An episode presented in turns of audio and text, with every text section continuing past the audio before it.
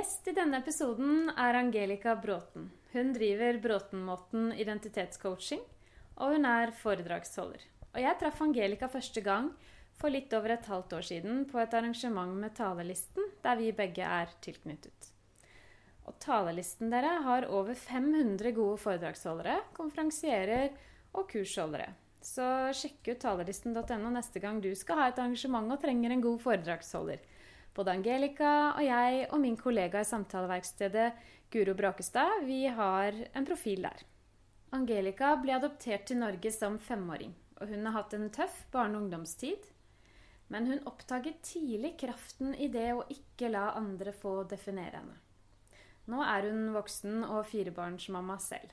Og hun er opptatt av merkelappene som vi både setter på oss selv, som vi får fra mennesker vi møter, og fra samfunnet som vi er en del av.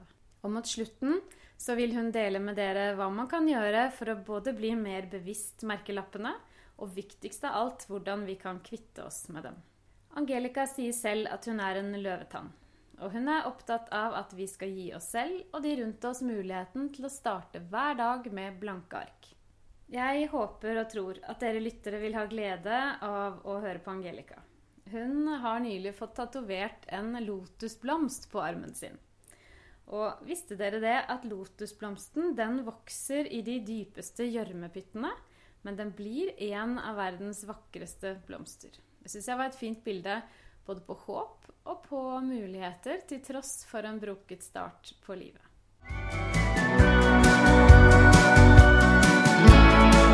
Sett deg lenge, det kommer til å skje. Du blir voksen, og jeg veit ikke helt hvordan jeg takler det. For de greiene der er søren meg ikke for hvem som helst. Jeg har invitert deg hit fordi jeg vet at du, du vet noe om det å være adoptert. Mm.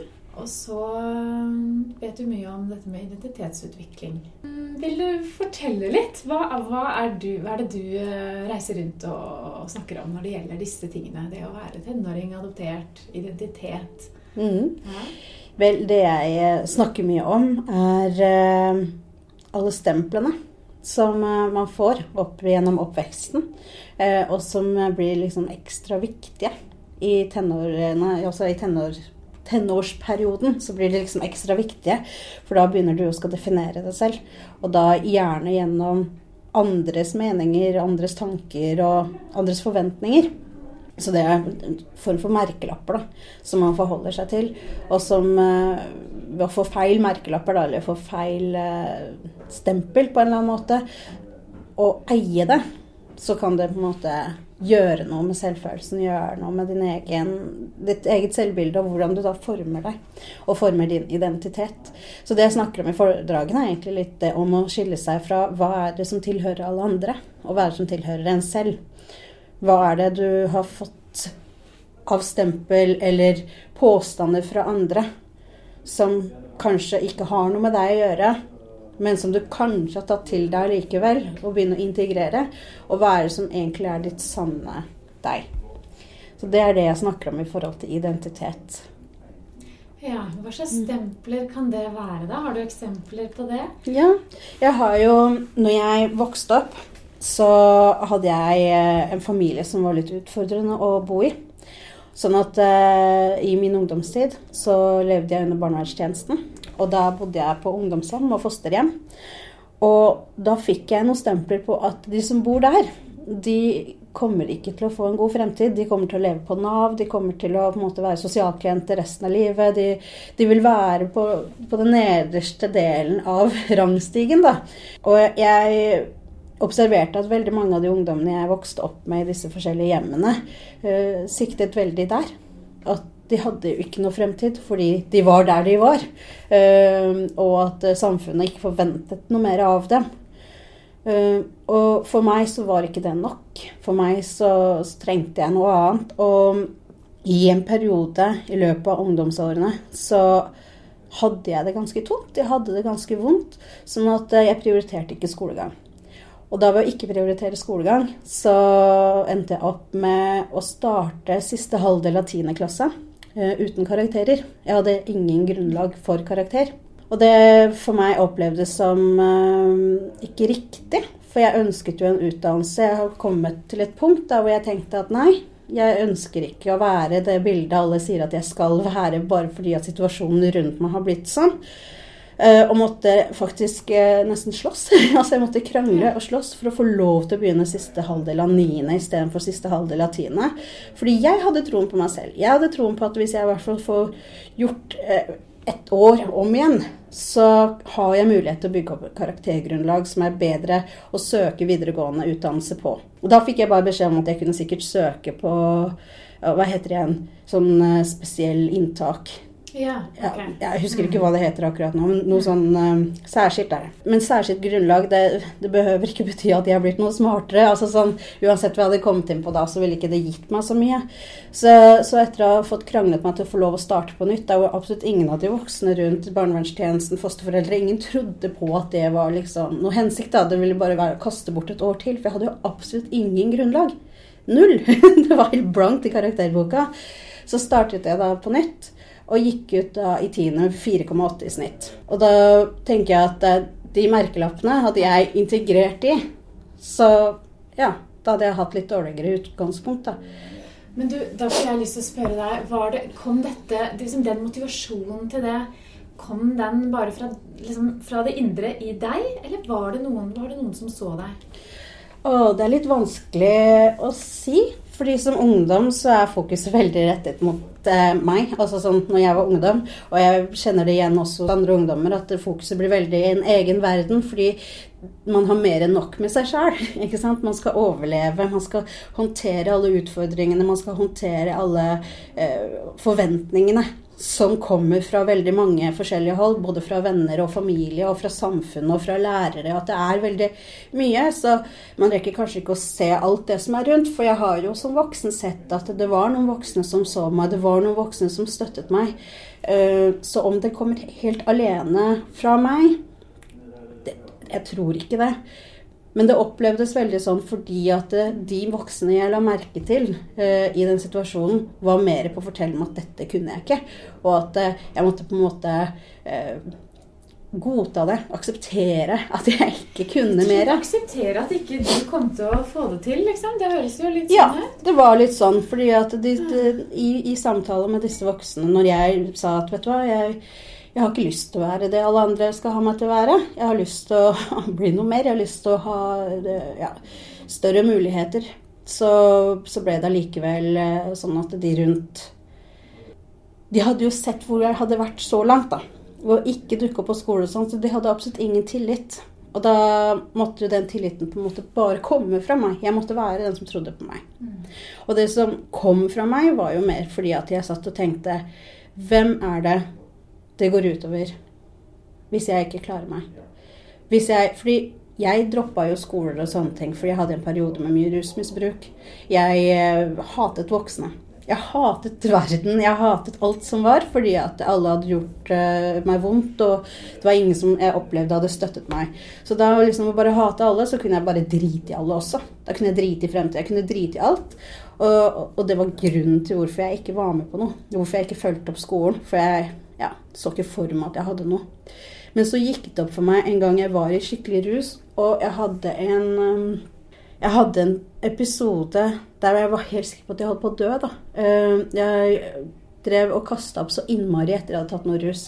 Og jeg kasta opp så jeg fikk ikke puste, og jeg var helt sikker på at ok, nå dør jeg. Fordi det var umulig å puste, og var, alt bare låste seg. Og så satt jeg da etterpå og var fortsatt litt sånn rusa, men tenkte veldig på at hva i all verden er jeg driver med? Her sitter jeg, og det er ingen av de andre voksne rundt som jeg hater, og som mener, jeg mener at har skyld i disse tingene. Det er ingen av disse voksne rundt som lider av dette. Det er det bare jeg som gjør. Det er jo bare jeg som eventuelt havner uh, på grøftekanten uh, og ikke på en måte har det godt, da. Og som jager etter en rus som ikke gjør meg godt, og som bare gjør meg lei meg og trist og aggressiv hele tiden. Uh, og, den bevisstheten da, om at dette skader jo ingen andre enn meg sjøl, det gjorde at jeg ønsket å ta tak. Og også bevise dem. Altså, jeg så for meg at hvis jeg klarer meg, så er det faktisk det som skader mer for de som ikke ønsker meg godt, enn om at jeg ikke klarer meg. For da har de på en eller annen måte vunnet. Det var min tanke, da. Det høres ut som du hadde en veldig sånn indre styrke da, Angelica. Ja. Eh, Men det er det jo ikke alle som har, tenker jeg. Jeg tror det. Jeg tror helt, eh, helt til bunnen av det, så tror jeg at alle har den indre styrken. Men det er jo også noe med at eh, noen må kunne påminne at den er der. Til, til, til de andre. Det er jo mange som har vært fryktelig langt nede og tenker jeg er den svakeste personen som fins, men du lever enda. Og det er fordi du har den styrken i deg, tenker jeg. Men De som, er, det noe, er det noe vi som foreldre eller som lærere eller, eller helsepersonell rundt ungdom kan gjøre for å vekke den styrken? mye er gjort ved at man starter en ny dag med blanke ark. Hver dag. For mye av hvorfor jeg ble på en måte dratt ned og ikke anerkjent for at jeg hadde muligheten til å klare meg, gikk jo på at man tenkte ja, men gårsdagen var jo helt jævlig, Angelica. Det er ikke noe vits å tenke på fremtiden. Morgendagen er like jævlig fordi gårsdagen var sånn. Men ved at eh, man starter med blanke ark hver dag, og prøver å ha Det er jo vanskelig, fordi vi er jo mennesker og vi har jo lært erfaringer. Men det å prøve å ha et ferskt perspektiv i møte med ungdom hver eneste dag Ikke tenke så veldig veldig langt nødvendigvis i fremtiden at hvis ikke du kommer deg på skolen i dag, så får ikke du bli ingeniør om ti år. Det blir et litt for langt og stort perspektiv. Sant? Det kan hende at din ungdom har veldig vanskelig for å stå opp i dag av veldig mange grunner som ikke den ungdommen verken deler med deg eller engang kanskje er bevisst på selv. Så det å møte dem hver dag med blanke ark er en god start. Om det er fasit, det vet jeg ikke. Men jeg ser jo at eh, det er eh, veldig lett å gå i en felle at man blir sånn forhåndsdømmende i forhold til at 'Å, jeg har sett hvordan det har vært. Og ungdommer er jo en ekstrem eh, utvikling. Sant?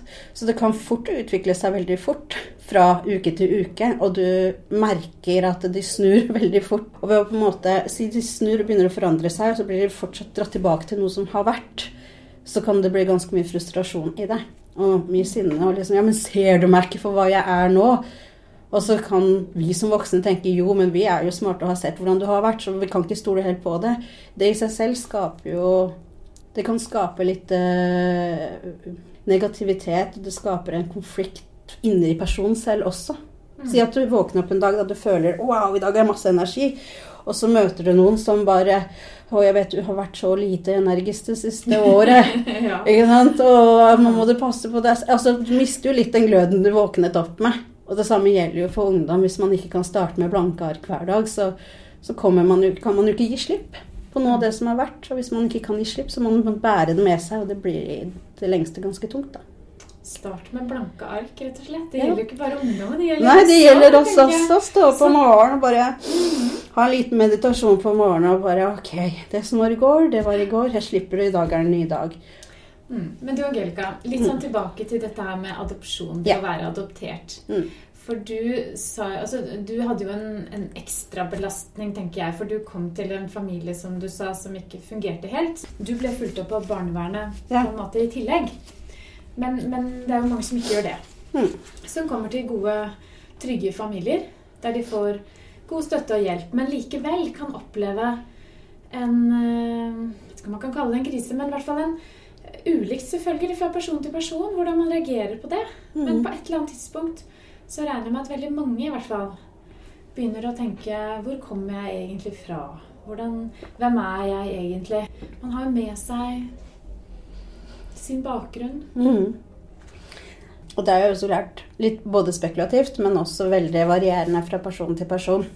Men når det kommer til adopsjon og adopterte, så har jeg jo hatt flere unge voksne hos meg eh, som nettopp har kommet ut av tenårene. Nettopp blitt eh, unge voksne, og så har de kommet til meg fordi de fortsatt føler at de har ikke fått landet identiteten sin. De tingene de snakker om, er eh, for meg påfallende vanlige, normale identitetsspørsmål. Ikke bare hvor kommer jeg fra sånn i forhold til land og opphav med biologi, men hvordan skal jeg plassere meg i samfunnet? Hvordan skal jeg kunne vite hva jeg skal utdanne meg som? Hvordan eh, skal jeg passe inn i, i gruppa med venner i familien? Altså hvordan hvordan skal jeg vite hvem jeg faktisk er, da? Eh, og hvilken rolle jeg har? Adopterte, eh, som alle andre ungdommer, får jo mer bevissthet på sin identitetssøk når de kommer i tenårene. alle som kommer i tenårene Barn, når de er små, så er de jo veldig avhengig av foreldrene sine. De er veldig avhengig av uh, å speile seg i dem, at de veileder og rådgir og på en måte holder dem litt i hånda når de søker seg ut i verden. Og de går ikke langt fra foreldrene sine. Og så begynner de å bevege seg litt utenom foreldrene, men fortsatt med veldig veldig bevissthet på hvor er mine foreldre, hvor, ok, er de fortsatt den trygge basen. Og så når de begynner å nærme seg tenårene, så skjønner de at de kan bryte opp og skal skaffe seg egen identitet. Og da blir vennskap veldig viktig. Altså Vennene har jo en stor betydning for på en måte hvem kan jeg være. Fordi den rollen du får i venneflokken, eller rollen du har på skolen eller i fritidsaktivitetene, sier liksom litt om verdien din på en eller annen måte. Og det blir veldig viktig. Eh, og det er også litt viktig å kunne måte, mm, skille seg litt fra familien og finne sin egen stemme, sin, sitt eget eh, Ikke utseende fysisk, men allikevel sin egen måte å være på. Og hos adopterte så kan det lett bli sånn at eh, adopsjonen som et fenomen dukker opp om at eh, når de begynner å søke etter seg selv, altså kanskje fordi de ser at de har farger, så prøver de å søke ut etter venner som har farger, for å se om på en måte de passer bedre inn med dem. Eller kanskje så har de vokst opp og følt veldig på at de har lyst til å kjenne på å være kjempenorske. Og på en måte vil ikke identifisere seg med andre med farger, fordi at uh, de har lyst til å eie denne norske opplevelsen av seg selv, og så søker de ut det. I dette så ligger det jo også at de ikke har uh, noen i nær familie som de kan se på og identifisere seg med. Det blir et veldig, eh, veldig sånn Det blir som å tråkke i nysnø, da. Det er ingen som har tråkka veien før deg, og så er det kanskje ganske dyp nysnø. Og da kan det hende at det blir ganske tungt å gå den veien eh, alene. Og da er opplevelsen av å kanskje bli litt mer ensom også der. Fordi man har ikke andre man tråkker sammen med. Kanskje har du søsken som kan hjelpe på, at man på en måte sparer litt med søsknene sine og om veien å gå. Kanskje man har vært heldig og fått en god relasjon med noen andre adopterte og kan gå sammen med dem. Men man kjenner og merker mye tydeligere at man er annerledes enn familien sin. Men den identitetsreisen, altså det å ønske å finne seg selv, er jo ikke unikt for adopterte. Det er noe vi alle har. Men siden adopsjon kommer på toppen, så har jeg sett at det er en tendens til å um, kanskje dramatisere det litt mer. Da. At det, det, blir blåst opp som et større uh, problem enn det nødvendigvis er. Altså Så klart er elementet inne. Men om det er noe større problem i utgangspunktet, det kjenner jeg på at jeg ikke helt klarer å være overbevist om. da. Jeg har jo uh, hørt Uh, noen som har snakket om at uh, noe av problemet deres når de skal finne sin identitet, er ikke bare at foreldrene og familien ikke har samme farger, men de har kanskje akademiske ferdigheter som er mye høyere enn en selv. Og der hvor man opplever at man blir på en måte et sosialt utskudd innad i egen familie. Som påvirker opplevelsen av å være en del av familien. Og så ønsker man ikke å identifisere seg dit hen. fordi at idet man identifiserer seg med familien, så skjønner man, skjønner man sånn i gåseøyne, fordi det er jo ikke en sannhet, det blir bare en opplevelse, at man ikke er like dyktig eller har ikke de samme uh, mulighetene som resten av familien. Uh, og noen har jo også opplevd at uh, når de prøver å bryte ut og finne sin egen identitet, så har de foreldre som kaster seg over dem og vil holde på dem fordi de tror at det å finne egen identitet betyr og Da mener jeg ikke tror i hodet intellektuelt, men mest sannsynlig opplevelsen. da, At det betyr at barna ikke ønsker dem lenger som foreldre. At barna på en måte er på vei til å søke ut og vekk fra familien. Eh, og den opplevelsen kan være så sterk at eh, de omtrent kveler barna sine med, med behov for å ha dem nære. da. Eh, og et barn som er i et eh, på en måte opprivende eh, periode der hvor de har behov for å finne seg selv litt, litt alene, så kan det oppleves veldig tungt at mor og far liksom holder rundt dem. og en mor som f.eks. sier veldig med ord om at hun er livredd for at nå mister jeg deg, og at du skal søke tilbake til noe annet, og det er jo egentlig jeg som alltid har vært moren din. Altså, det blir en liten sånn frykt for atskillelse fra foreldrenes side også. Eh, Er din erfaring at det kan være sterkere i familier der barna er adoptert? Det kan være sterkere i familier der hvor de voksne kanskje ikke har avklart med seg selv eh, dette med tapet av eh, Kanskje de har vært gjennom en del eh, aborter. Kanskje de har prøvd i mange, mange, mange år å få barn. Og så ja, har det blitt et sårt tema. og Endelig så har de et barn. Og endelig så kan de elske dette barnet. Men så når de liksom blir eldre, så så får de kanskje en frykt for å miste dette barnet også, fordi den ser at barnet driver og eh, vender seg ut for å finne ut av sin identitet. Så om adopsjon i bildet i seg selv? Nei. Jeg tenker at det har noe med ubearbeidede følelser hos, sine, hos foreldrene, da. Der hvor de ikke har avklart godt nok sorgen de har hatt for, eh, for det som ikke ble. Det er ikke det samme som at ikke de er glad for det som ble, men hvis ikke de har fått bearbeidet og, og, og sett på det de mistet av den potensielle fremtiden som de kanskje har drømt om ganske mange år før de skjønte at den ikke ville bli.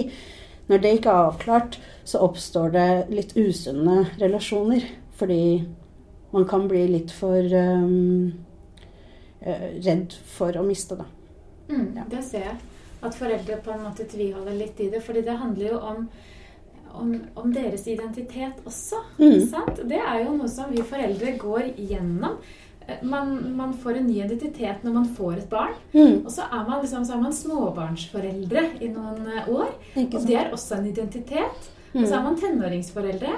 Og så må man på en måte finne seg selv litt på nytt igjen, tenker jeg. Ja. Når barna går ut der nede, og alle disse fasene kan innebære For de aller fleste er det en liten krise i det. Det er det. Og så er det det utfordrer jo et eget bilde. fordi som mor, småbarnsmor, ja ja, ungene dine har vært trassige og sånn. Men trassig, da har de på en måte vært sint i den, på situasjoner og sånne ting. Mens når de blir ungdommer, så kan de plutselig vende dette sinnet direkte mot en selv. Altså som, som den rollen du har, altså person En adoptert kan kanskje jeg kan ikke huske om jeg noen gang har hørt det, da, men jeg vet stebarn kan si det, er at du er jo egentlig ikke min ekte mor eller noe. I aggresjon, i frustrasjon i, Sånn er ungdommer. ikke sant? De trenger å få ut eh, noen følelsesmessige eh, ytringer som, som, som bare De har behov for å få det ut.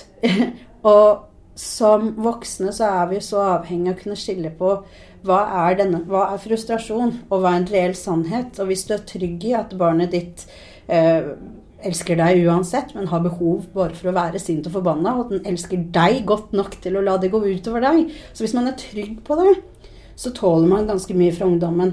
Men hvis man har noe grunnleggende der man er kjemperedd for avvisning, redd for, bli, eh, for at eh, barnet skal gå fra deg, eller at du skal miste på nytt, sånn i gåseøyer At du Når du har de tingene uavklart i deg selv, så er det mye lettere at de eh, situasjonene som oppstår, eh, sinne, aggresjon, ungdommens behov for å på en måte finne seg selv, at det blir noe du tar til deg veldig personlig, da. Eh, og at det blir sårt. Og hos adopterte så er eh, de relasjonene allerede litt såre. Sant? Eh, hvis man ikke er trygg på at uh, jo, jeg er, jeg er noe adoptivfar eller jeg er noe adoptivmor. Uh, hvis man på en måte skal kategorisere meg. Så det betyr at det er noen andre foreldre der. Men jeg kan være trygg på at kjærligheten min til barnet mitt, det vet barnet mitt, er rent, sterkt, stort, og jeg kommer alltid til å være der. Hvis man er trygg på det, så er det ikke så utfordrende når de adopterte har lyst til å finne ut av biologisk opphav. For da kan man skille på at ok, den adopterte har behov for å rett og slett se noen som ligner en sjæl.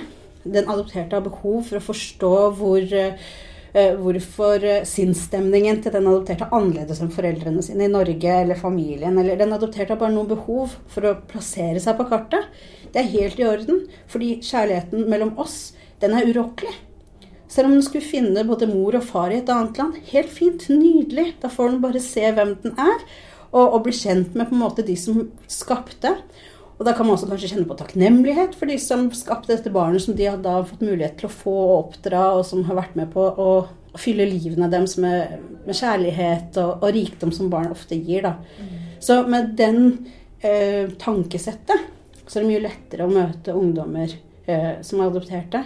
Kontra hvis det er ting som er uarbeidet, usikkert i en selv, da, i forhold til rolle og ja. Jeg tenker jo at det er jo så nå snakker vi eh, om alle mulige slags scenarioer som kan være. Noen Ja. vil kanskje kjenne seg i noe og ikke i noe annet. Mm. Sant? Og sånn er det jo alltid. Mm. Ja, Men jeg tenker jo at mye av det er jo veldig overførbart til, til rett og slett bare det å være tenåring. Ja, det er jo så flott at du sier, for det er det jeg mener, da. Jeg mener at når adopsjon kommer inn i bildet, så blir det så overdramatisert. Fordi å, herregud, den er jo adoptert. Så klart har han identitetsproblemer. Og idet man sier adoptert identitetsproblemer, så føler jeg liksom at da, da tar man en pumpe, og så pumper man det opp ti ganger. ikke sant? Det som er uh, av, av problemstillinger i familien.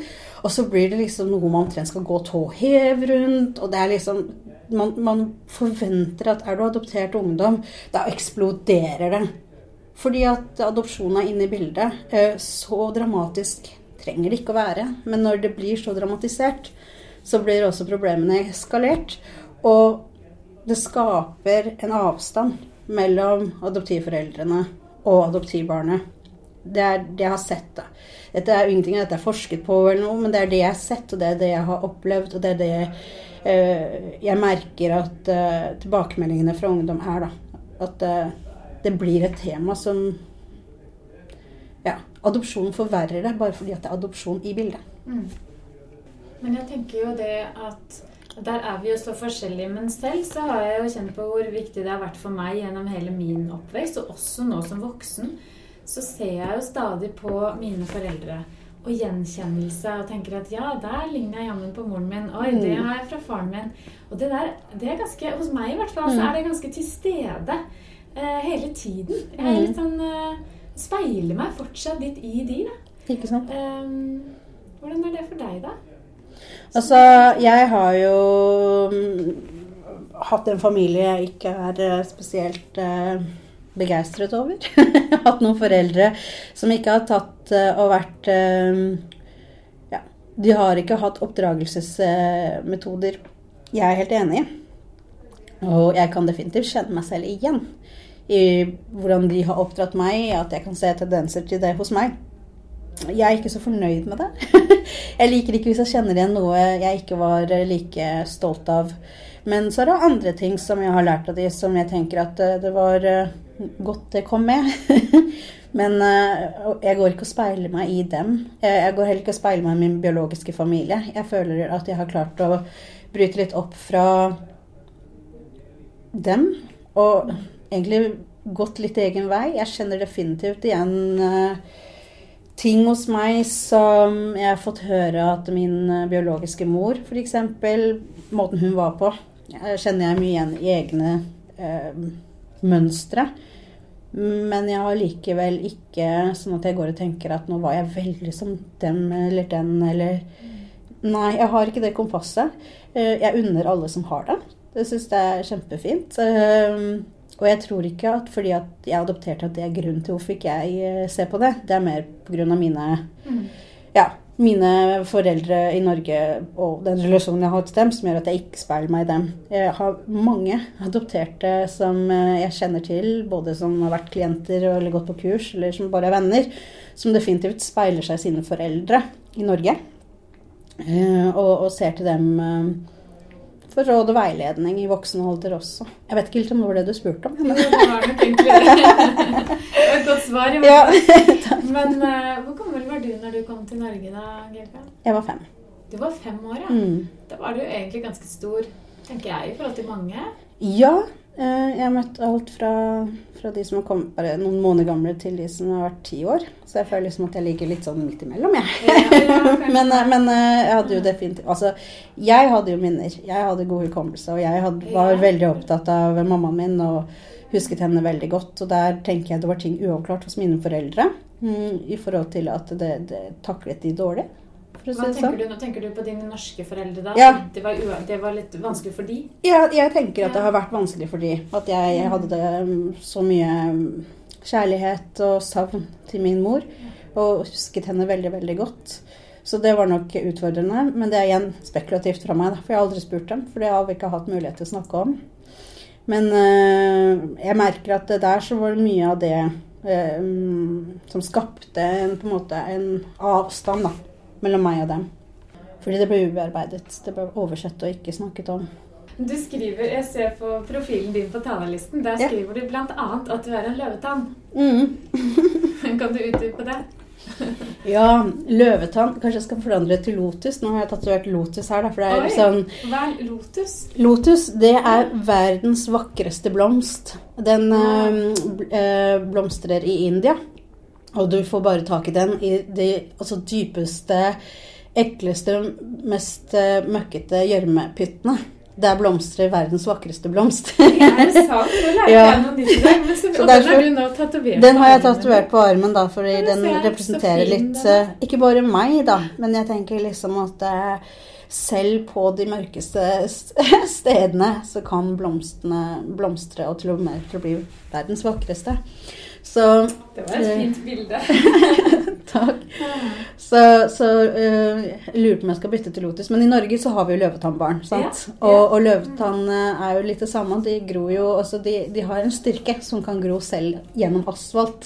Så, så det er liksom løvetannbildet hvorfor jeg skriver at jeg er en løvetann. Jeg har klart å blomstre selv med ganske utfordrende vektsmuligheter. Så ja. Hva slags utdannelse har du? eh, Ja, jeg har litt forskjellig utdannelse. Jeg har uh, møbelsnekkerutdannelse. Oi, har du Også, det? Ja.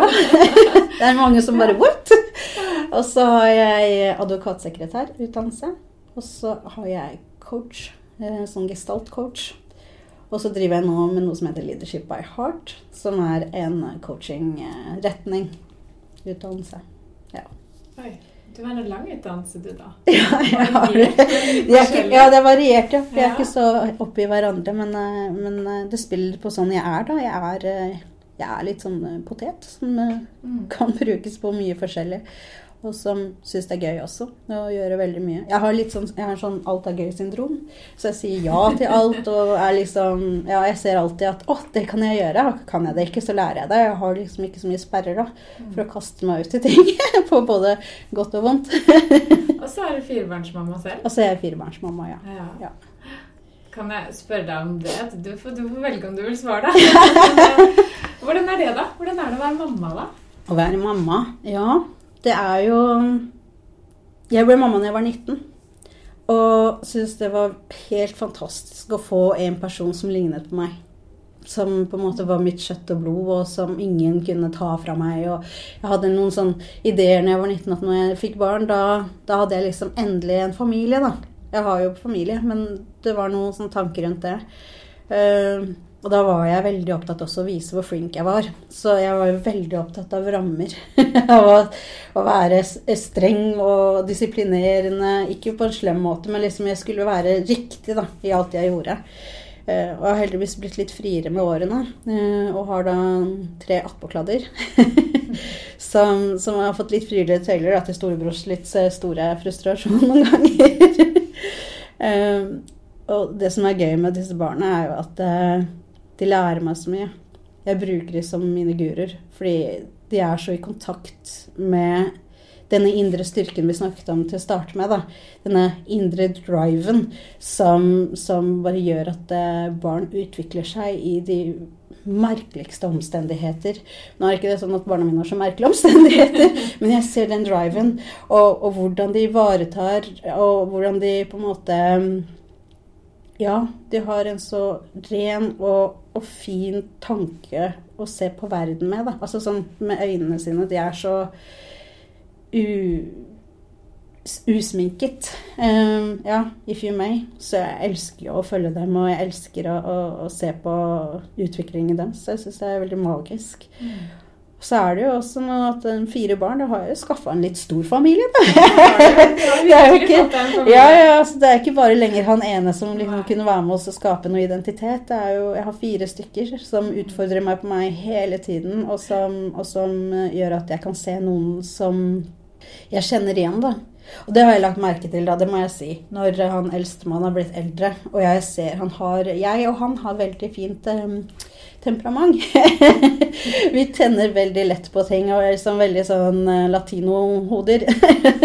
som har mye følelser og er lidenskapelige, og som kan bli både like hissige som vi blir like glad. Ikke sant? Så vi, er, vi, vi spiller på følelsene veldig på utsiden av kroppen. Eh, og så har jeg tenkt over det. at eh, i møte med han, så er det ikke alle voksne som har syntes det har vært like gøy, da, for å si det sånn. De syns det kan ha vært utfordrende. Eh, og så har vi snakket sammen, og så har de skjønt at å ja, det går an å møte ham på en annen måte. Og så har det vært lettere, og så har de eh, syntes det var greit å møte han. Han er en sjarm- sjarmerende gutt, så det har liksom ikke vært det dere stått på. Men når han er sint, så har det ikke alltid vært like sjarmerende. Og det er Jeg kjenner igjen det. Jeg er ikke fullt så sjarmerende når jeg er sint, jeg heller.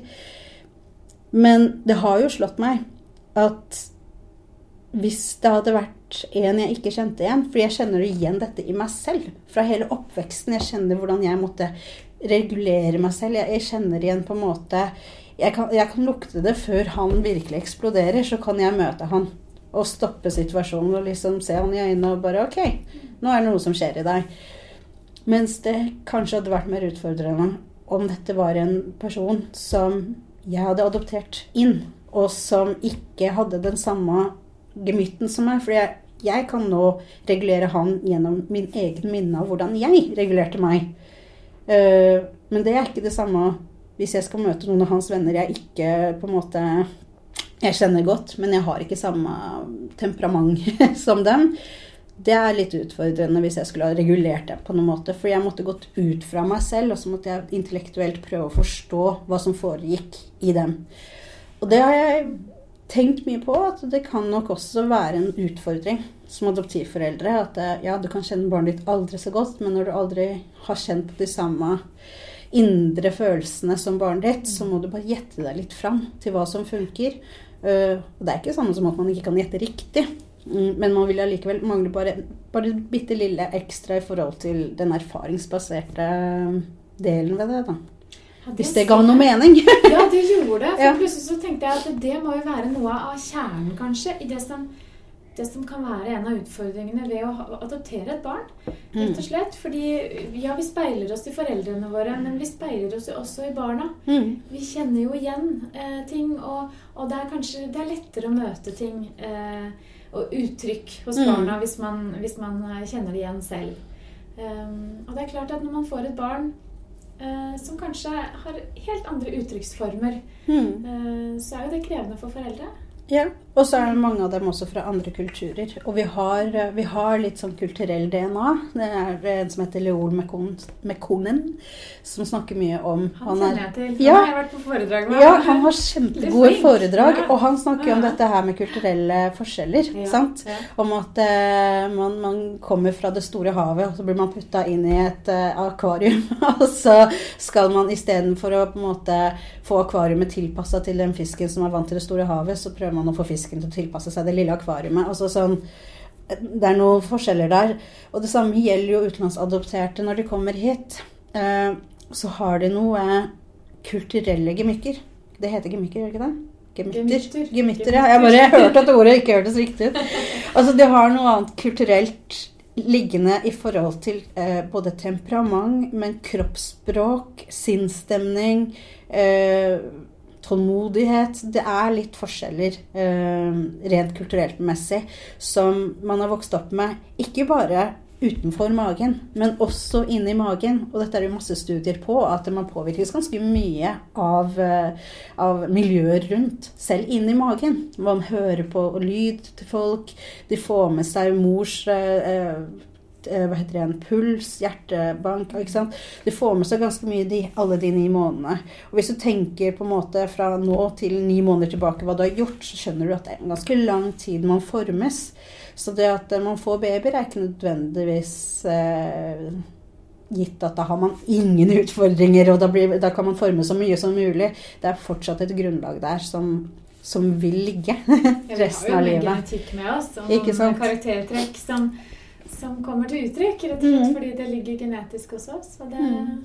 det er klart, det, det må jo være en utfordring. Ikke sant? Så, så det er jo også sånne elementer som kommer inn i forhold til når man skal prøve å møte en ungdom som, som uh, har andre genetisk bakgrunn enn deg, kanskje. Kanskje. Det er igjen litt sånn derre hva jeg har eh, tenkt meg fram til i møte med mine barn, i møte med adopterte og i møte med de problemstillingene som dukker opp. Da. Mm. Kan jeg spørre deg, Angelica, har du hatt noen forbilder gjennom din oppvekst noen voksenpersoner som du har på en måte kunnet uh, styre, litt, styre litt etter, da? Som har betydd uh, noe for deg? Eh, når jeg var liten Jeg begynte å lese før jeg var fem, så jeg begynte å lese før jeg kom til Norge. Og det er fordi jeg elsker det. Jeg har alltid elsket å lese mye. Så når jeg kom til Norge og fikk begynne på skolen og ble anerkjent for at jeg kunne lese, for det fikk jeg beskjed om at jeg ikke kunne fordi jeg var for liten uh, Igjen et merkelapp for noe som Hallo. det var veldig rart å få en merkelapp på. Men når jeg da til slutt fikk anerkjennelse for at jeg kunne lese, så leide jeg veldig mange bøker eh, på biblioteket. Så mange at jeg etter hvert fikk en diplom av, eh, av, biblioteket hos oss med årets lesehest. Som jeg syntes var flaut. Da, da slutta jeg. Men, eh, men så mye leste jeg. Altså jeg var der vel annenhver dag og lånte en bok. Og, og, jeg leste det dag og natt. Og jeg satt på do, og jeg, liksom, og, og jeg satt med det der, hva heter det, en lommelykt under senga og leste bøker. Og der leste jeg en bok som heter 'Hvorfor slår du meg, mor?' Eh, av en jeg tror det er kanadisk forfatter. Eh, en mann som eh, har vokst opp i et helt horribelt hjem. Altså, så mine foreldre er jo ja, ponnier Altså, de er ingenting i forhold Mine foreldre er helgener i forhold til hva han vokste opp med. Og han vokste opp med en mor som hadde vært veldig kjærlig med han helt fram til han var rundt seks år. Og plutselig så ble hun skikkelig psykopat. Og hun straffa han, og han måtte sove i kjelleren. Og det var helt, altså, helt horribelt. Og hun var skikkelig manipulerende og spilte så mye på følelsene hans. Og så skrev han på en måte gjennom de aller verste episodene gjennom oppveksten. Og så når han ble voksen, så bestemte han seg for at dette skal ikke definere resten av livet mitt. Uh, og, så, og, så, skrev han boka, og så gikk han og var motiverende uh, foredragsholder. Og han har da vært et stort forbilde for meg. At han kunne komme gjennom så mye og at det var hans mor, hans, hans ordentlig biologiske mor, som var så jævlig og, og var så manipulerende og slem. Han, hun kunne ha revet hans selvfølelse dunder sammen. Og han fant ut bare at vet du hva, dette skal ikke få definere meg, liksom. Nå har du ødelagt barndommen min. Voksenlivet, den skal jeg ha i fred. Så det var en stor motivator for meg som en voksen. Eh, ellers så hadde jeg jo noen voksne jeg møtte på ungdomshjem og sånn, som uh, viste mye tålmodighet og kjærlighet. Uh, og som uh, Ja, som viste meg at noen voksne turte å vise at de brydde seg. Selv om det lå på en måte noen Det lå på en måte noen sannheter ute om at jeg ikke var verdt det på et eller annet nivå. Ehm, så det, det har jo på en måte vært en trygghet. Det har vært eh, noe som har eh, gitt meg noe. Jeg har egentlig aldri fundert for mye på det. Jeg er veldig takknemlig for det. Jeg har eh, kontakt med, med dem enda, og har fortalt dem flere ganger at han ene um, var i Bergen som Han redda livet mitt på mange måter. Fordi at i rus så var jeg så jævlig mot han og kjente at jeg dytta han fra meg. Og da tenkte jeg en av de få, få, få, få voksne som virkelig bryr seg om meg, som jeg tror på, og som virkelig vil meg godt, dytte jeg nå vekk fordi jeg er så rusa. Um, så han redda jo meg fra å fortsette med rus, føler jeg. Altså den opplevelsen med han. Uh, og så har jeg en annen som også er i Bergen, som, uh, som tok meg ut av ungdomshjemmet jeg var i, og lot meg bo hjemme hos henne. Og lot meg uh, være hos henne i flere uker for å bare oppleve å ikke være i det veldig destruktive miljøet som var under det ungdomshjemmet. da. Så de gjorde liksom noe ekstra tak, da. Og ga meg noen blanke ark. Istedenfor å bare forholde seg til hva som sto i papirer, og hva, hvilke sannheter som liksom har blitt manet fram. da. For jeg hadde jo en sannhet som var veldig gjennomgående, var at jeg måtte jo lyve. Eh, fordi når jeg fortalte at jeg ble slått hjemme, så var det jo fordi at jeg sleit med tilknytningsproblemer siden jeg var adoptert. Da kom jo dette her igjen som bare sånn overordnet uh, diagnose. Og du er adoptert, så alle problemer under, det tilhører det. Uh, og da hadde jeg jo også noe Da fikk jeg en form for diagnose lystløgner. Sånn at uh, voksne som møtte meg, hadde den holdningen, da. At det du sier, det stemmer ikke, og du er lystløgner, og du er her fordi du har problemer, fordi du er adoptert. Uten at man egentlig anerkjente de oppvekstvilkårene jeg hadde vært under. da. Som familieterapeut så er jeg veldig opptatt av at det er ikke enkeltmennesker som er problemet. Nei, Problemet er problemet. ikke sant? Um, og det flytter fokuset fra uh, ungdommen, eller fra den det gjelder, og ut um, på omstendighetene og systemet rundt, og alt det Mm. andre. Fordi jeg har jo en tro på at det er det som er i endring, og ikke, ikke, den, ikke, ikke ungdommen. Nei, altså det er jo et helt urimelig ansvar å putte på en ungdom. Mm. At det er jo du som er problemet. Men det er veldig ofte sånn. Mm, det er veldig ofte sånn, og du behøver ikke å være adoptert. Nei, Herregud, jeg har møtt mange ungdommer som Jeg har jo vokst opp på ungdomshjem og sånn. Møtt mange ungdommer der jeg hører at eh, ansvaret legges på en måte hos dem for familiens lykke og vel. Og noe av foredraget mitt, da forholder jeg meg rett og slett til adopsjon, men jeg vet at det er gjenkjennelig for mange.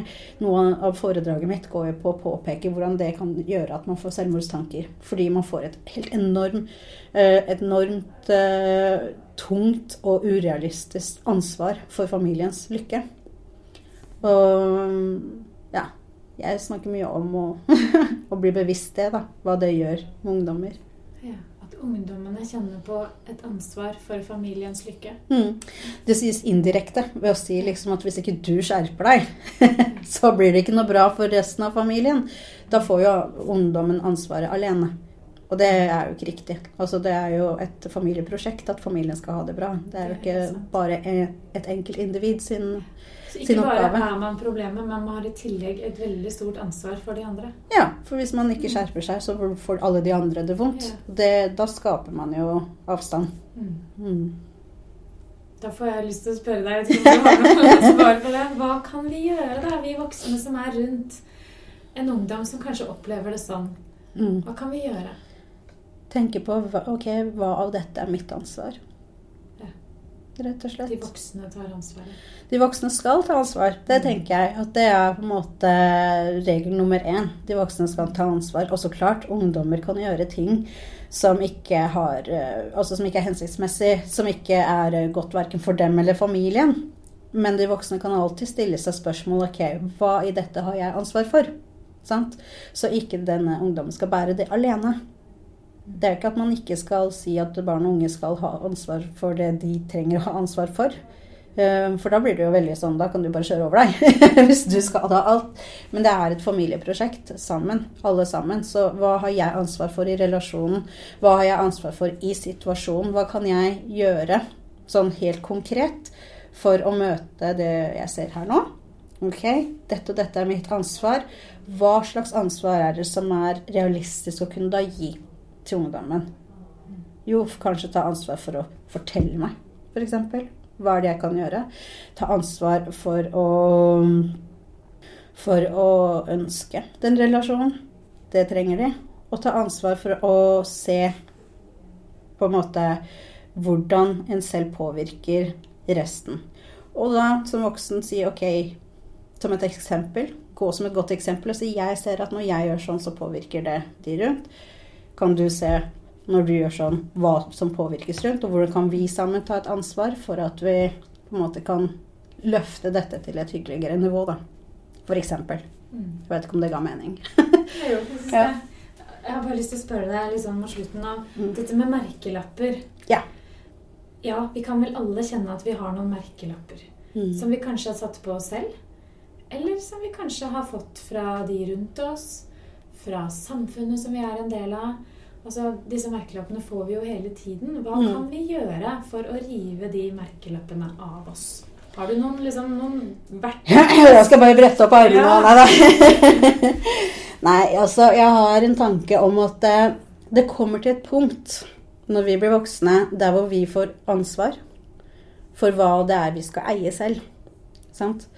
Og ja, vi får en del merkelapper, vi får en del ting utenfra som vi har litt mindre evne til å eh, på en måte takke nei til som barn og unge, fordi vi er så avhengig av at noen skal hjelpe oss med å finne oss selv. Men når vi blir voksne, så har vi et ansvar til hva vi faktisk ønsker å slippe inn og eie. Eh, og det er, det er en liten sånn mis... Eh, hva heter det? En vranglære. At andre har ansvaret for meg. Altså andre kan gjøre meg sint, eller at andre kan på en måte eh, gjøre meg At andre kan gi meg dårlig selvfølelse, at andre kan gjøre ting med meg. tenker jeg, en vranglære. Fordi de kan si og gjøre en masse ting og ønske å prøve å påvirke meg, men det er bare jeg som kan tillate det. Det er bare jeg som kan si at ok, jeg åpner opp for å eie det du sier om meg, som gjør at jeg føler meg nedfor. Sant? Og dette, det høres kjempeenkelt ut, og det er det på ingen som helst måte. Fordi at mye av dette her har jo blitt gitt lagvis på lagvis på lagvis gjennom en oppvekst. Men idet du begynner å bli bevisst på at jøss, jeg har faktisk makten til å påvirke hva som skal inn, da kan mye skje. Fordi da kan du begynne å sortere ut det du ikke trenger. Og du trenger strengt tatt veldig lite av hva du har fått i oppveksten av merkelapper, da. Og da blir det også lettere å bli mer av det man sitter og kjenner om at man egentlig er, men kanskje ikke har turt å slippe ut. Mm. Mm. Man, det første jeg tenkte på da, må man ha et lite skjold, da? Mm. Må man ha et lite skjold for å liksom, Hva skal man gjøre for å klare å ikke ta Ja, det inn? Ja, skjold, det hørtes litt sånn der Når du sier skjold, da ser jeg for meg noe litt sånn der grått og kanskje litt tungt, og kanskje litt Ja. tungt å bære, og noe som på en måte ingenting trenger igjennom, ikke engang gode ting. Ja. Uh, ser jeg for meg et skjold, da. Ja, for det er noe med å klare å sortere i dette her, da. Og liksom Mm. finne Og rett og slett, hvordan gjør jeg det sånn? Jeg, jeg pleier å si at jeg er nemlig liksom praktisk av meg. Ja, ja. Jeg kommer sånn veldig fort til hva skal vi da gjøre på mandag. Mm. Så jeg blir liksom opptatt av hvordan, hva kan jeg faktisk liksom si til meg selv eller gjøre Mm. for å sortere ut at den kommentaren Nei, den vil jeg ikke. Den skal ikke få lov til å påvirke meg. Den vil jeg ikke ha. Mm. Hvordan skal jeg få den til å forsvinne? Hvordan skal jeg ta den av meg? Dette er jo en øvelse, men den første øvelsen du kan gjøre, er at idet du kjenner motstand til det som kommer, vær bevisst på motstanden. Da betyr det at det eier, eier ikke du. Skjønner du? Mm. Uh, idet du kjenner Si hvis jeg sier til deg at uh, oh, dette her hører jeg veldig ofte. Du er veldig tjukk. Det hører jeg. Og så er det jo sånn at jeg sånn rent teknisk er overvektig. Ikke sånn enormt overvektig, men jeg er noe overvektig. Men det å kalle tjukk, det er en sånn negativ ladet eh, greie som i min verden betyr eh, noe veldig sånn Da skal jeg ikke ha det godt med meg selv, da. En som er liksom er tjukk. Ordet tjukk. Skal jeg definere meg som tjukk, så har jeg det liksom ikke helt godt. Og kanskje jeg har lavt med energi. Og jeg har masse fordommer rundt, rundt ordet tjukk, og jeg er ikke alene om det. Så hvis noen skulle kalle meg tjukk, og jeg kjenner en motstand til at jeg vil ikke definere meg som tjukk, da tilhører det faktisk ikke meg. Det tilhører de andre. Og det kan være fordi at de selv kanskje ville hatt et problem med å bli litt overvektige. At de hadde hatt eh, noe av sine merkelapper som hadde gjort at om de hadde blitt det, så hadde det vært kanskje verdens undergang for de. Så da legger de det ut på meg, så sier de du er sjuk. Men jeg kjenner ikke helt at det er noe jeg identifiserer meg som eller eh, liker. Jeg kan godt anerkjenne at jeg er overvektig, men jeg er veldig fornøyd med den vekten som er overvektig. Så jeg kjenner motstanden til ordet tjukk. Ok, jeg blir bevisst på at oi, her var det en motstand. Dette likte jeg ikke. Så kan jeg velge da om vil jeg eie det, eller så kan jeg velge å tenke ok, dette handler om denne personen. Sine fordommer og, og kanskje frykt for å bli tjukk. eller ikke sant? Dette handler faktisk ikke om meg. Og så kan jeg eh, anerkjenne det i min egen kropp, i meg selv, og tenke ok, jeg anerkjenner at eh, den personen hadde behov for å legge noe på meg som ikke tilhører meg. Og så trygger jeg meg på at eh, nei, jeg er der jeg trenger å være akkurat nå. Og så vet jeg jo hele min historikk, så jeg trenger ikke å forklare noe heller. Sant? Det blir bare sånn mm, Ok, hvis du syns det. Men det er ikke der jeg føler, føler at jeg er. Og så kan jeg bare la det slippe. Jeg kan tenke i hodet også, og jeg lar det gå. Mm. Bare ved å bruke ord i meg selv, så kan jeg si ok, jeg hørte det, det eier jeg ikke. Jeg lar det gå, jeg lar det slippe. Så kjenner jeg det i kroppen også med en gang. At jeg slipper. Man kan rett og slett bare si det høyt til seg selv. Ja. Eller om man ikke har lyst til å stå og si det høyt foran masse folk at 'jeg lar det gå', så kan du jo også si det i hodet ditt. Men bare du gjør det litt bevisst, da. At Ja. du stopper opp, kjenner litt etter. 'Oi, kjenner jeg på dette?' Det kunne jo vært at jeg ville bli kaldt sjuk, Eller altså at jeg ville eie det fordi at det hadde gitt meg en motivasjon til å gå ned i vekt hvis det var liksom et behov jeg hadde hatt. Da må jeg gjerne eie det, men da må jeg kanskje være bevisst på hvordan jeg skal eie det. Skal jeg eie det i den grad at jeg skal se meg i speilet og tenke åh, shit, jeg er så tjukk, og det er så forferdelig, og jeg er så stygg? Eller skal jeg meg at ok, nå er jeg faktisk kommet dit at jeg syns jeg er tjukk, og jeg elsker kroppen min nok til at uh, det ønsker jeg at den skal slippe, og derfor skal jeg trene. Så det er jo ikke sånn at et ord ikke kan eies selv om det kanskje er negativt ladet. Det er også litt hvordan skal du eie det, hvordan skal du se på det, og, og hvordan kan du bruke det til å løfte deg istedenfor å dra deg ned. da. Det handler i bunn og grunn om å være litt bevisst de ordene som, som, som kommer til en. Altså de som, Mm. de som noen sier til deg. Og, og ikke bare ta de inn automatisk, men å begynne å øve seg da, kanskje på Mm. å tenke gjennom hva som ble sagt til meg nå. Her kjente jeg noe. Ok, hva skal jeg gjøre med dette? Du snakket jo om en rustning, eller det sa du kanskje ikke, men Jeg en, skjold, et skjold. Ja, jeg så for meg rustning, det var derfor. Ja. Et skjold. Jeg tenker at du kan se for deg at du har et filter. Et sånn tynt Ja. filter som bare filtrerer over, og som stopper det så det ikke går så fort inn. Eh, Men som stopper det litt, så du har mulighet til å tenke over og smake litt på ordet. Men smak litt munn. Sånn, mm, smakte dette godt, eller var det litt sånn at jeg fikk litt sånn nedover munnen av å kjenne på det ordet? Ja, kanskje ja, Da spytter jeg det ut igjen, og så, og så sier jeg til meg selv at eh, nei takk, jeg lar det gå. Mm. For eksempel. Jeg håper, og så tror jeg, Angelica, at det har vært eh, fint å høre på. Denne samtalen. Jeg sitter igjen liksom nå med to ting Mm. som man kanskje kan ta med seg. Eh, sikkert flere ting også, men som jeg sitter igjen med, i hvert fall, er rett og slett eh, Jeg ser for meg et litt sånn derre Nå skal jeg begynne å tenke på at jeg har et sånn kaffefilter Mm. foran meg. Og for å begynne å liksom forholde meg rett og slett til det. Jeg har et filter der, og jeg kan velge hva som skal slippe inn til meg og, og Mm. ikke. Og så kan jeg velge å starte hver dag med blanke ark. Ja. Det er helt nydelig. Mm. Og hvis du tar med deg det, da er jeg skikkelig fornøyd. Da har jeg fått til noe. Det var veldig hyggelig å ha deg på besøk. Jeg er så glad for at jeg ble invitert, så Takk tusen takk. Som om jeg kunne gjøre deg skuddsikker. Gjøre sånn at alt ble trygt og bra.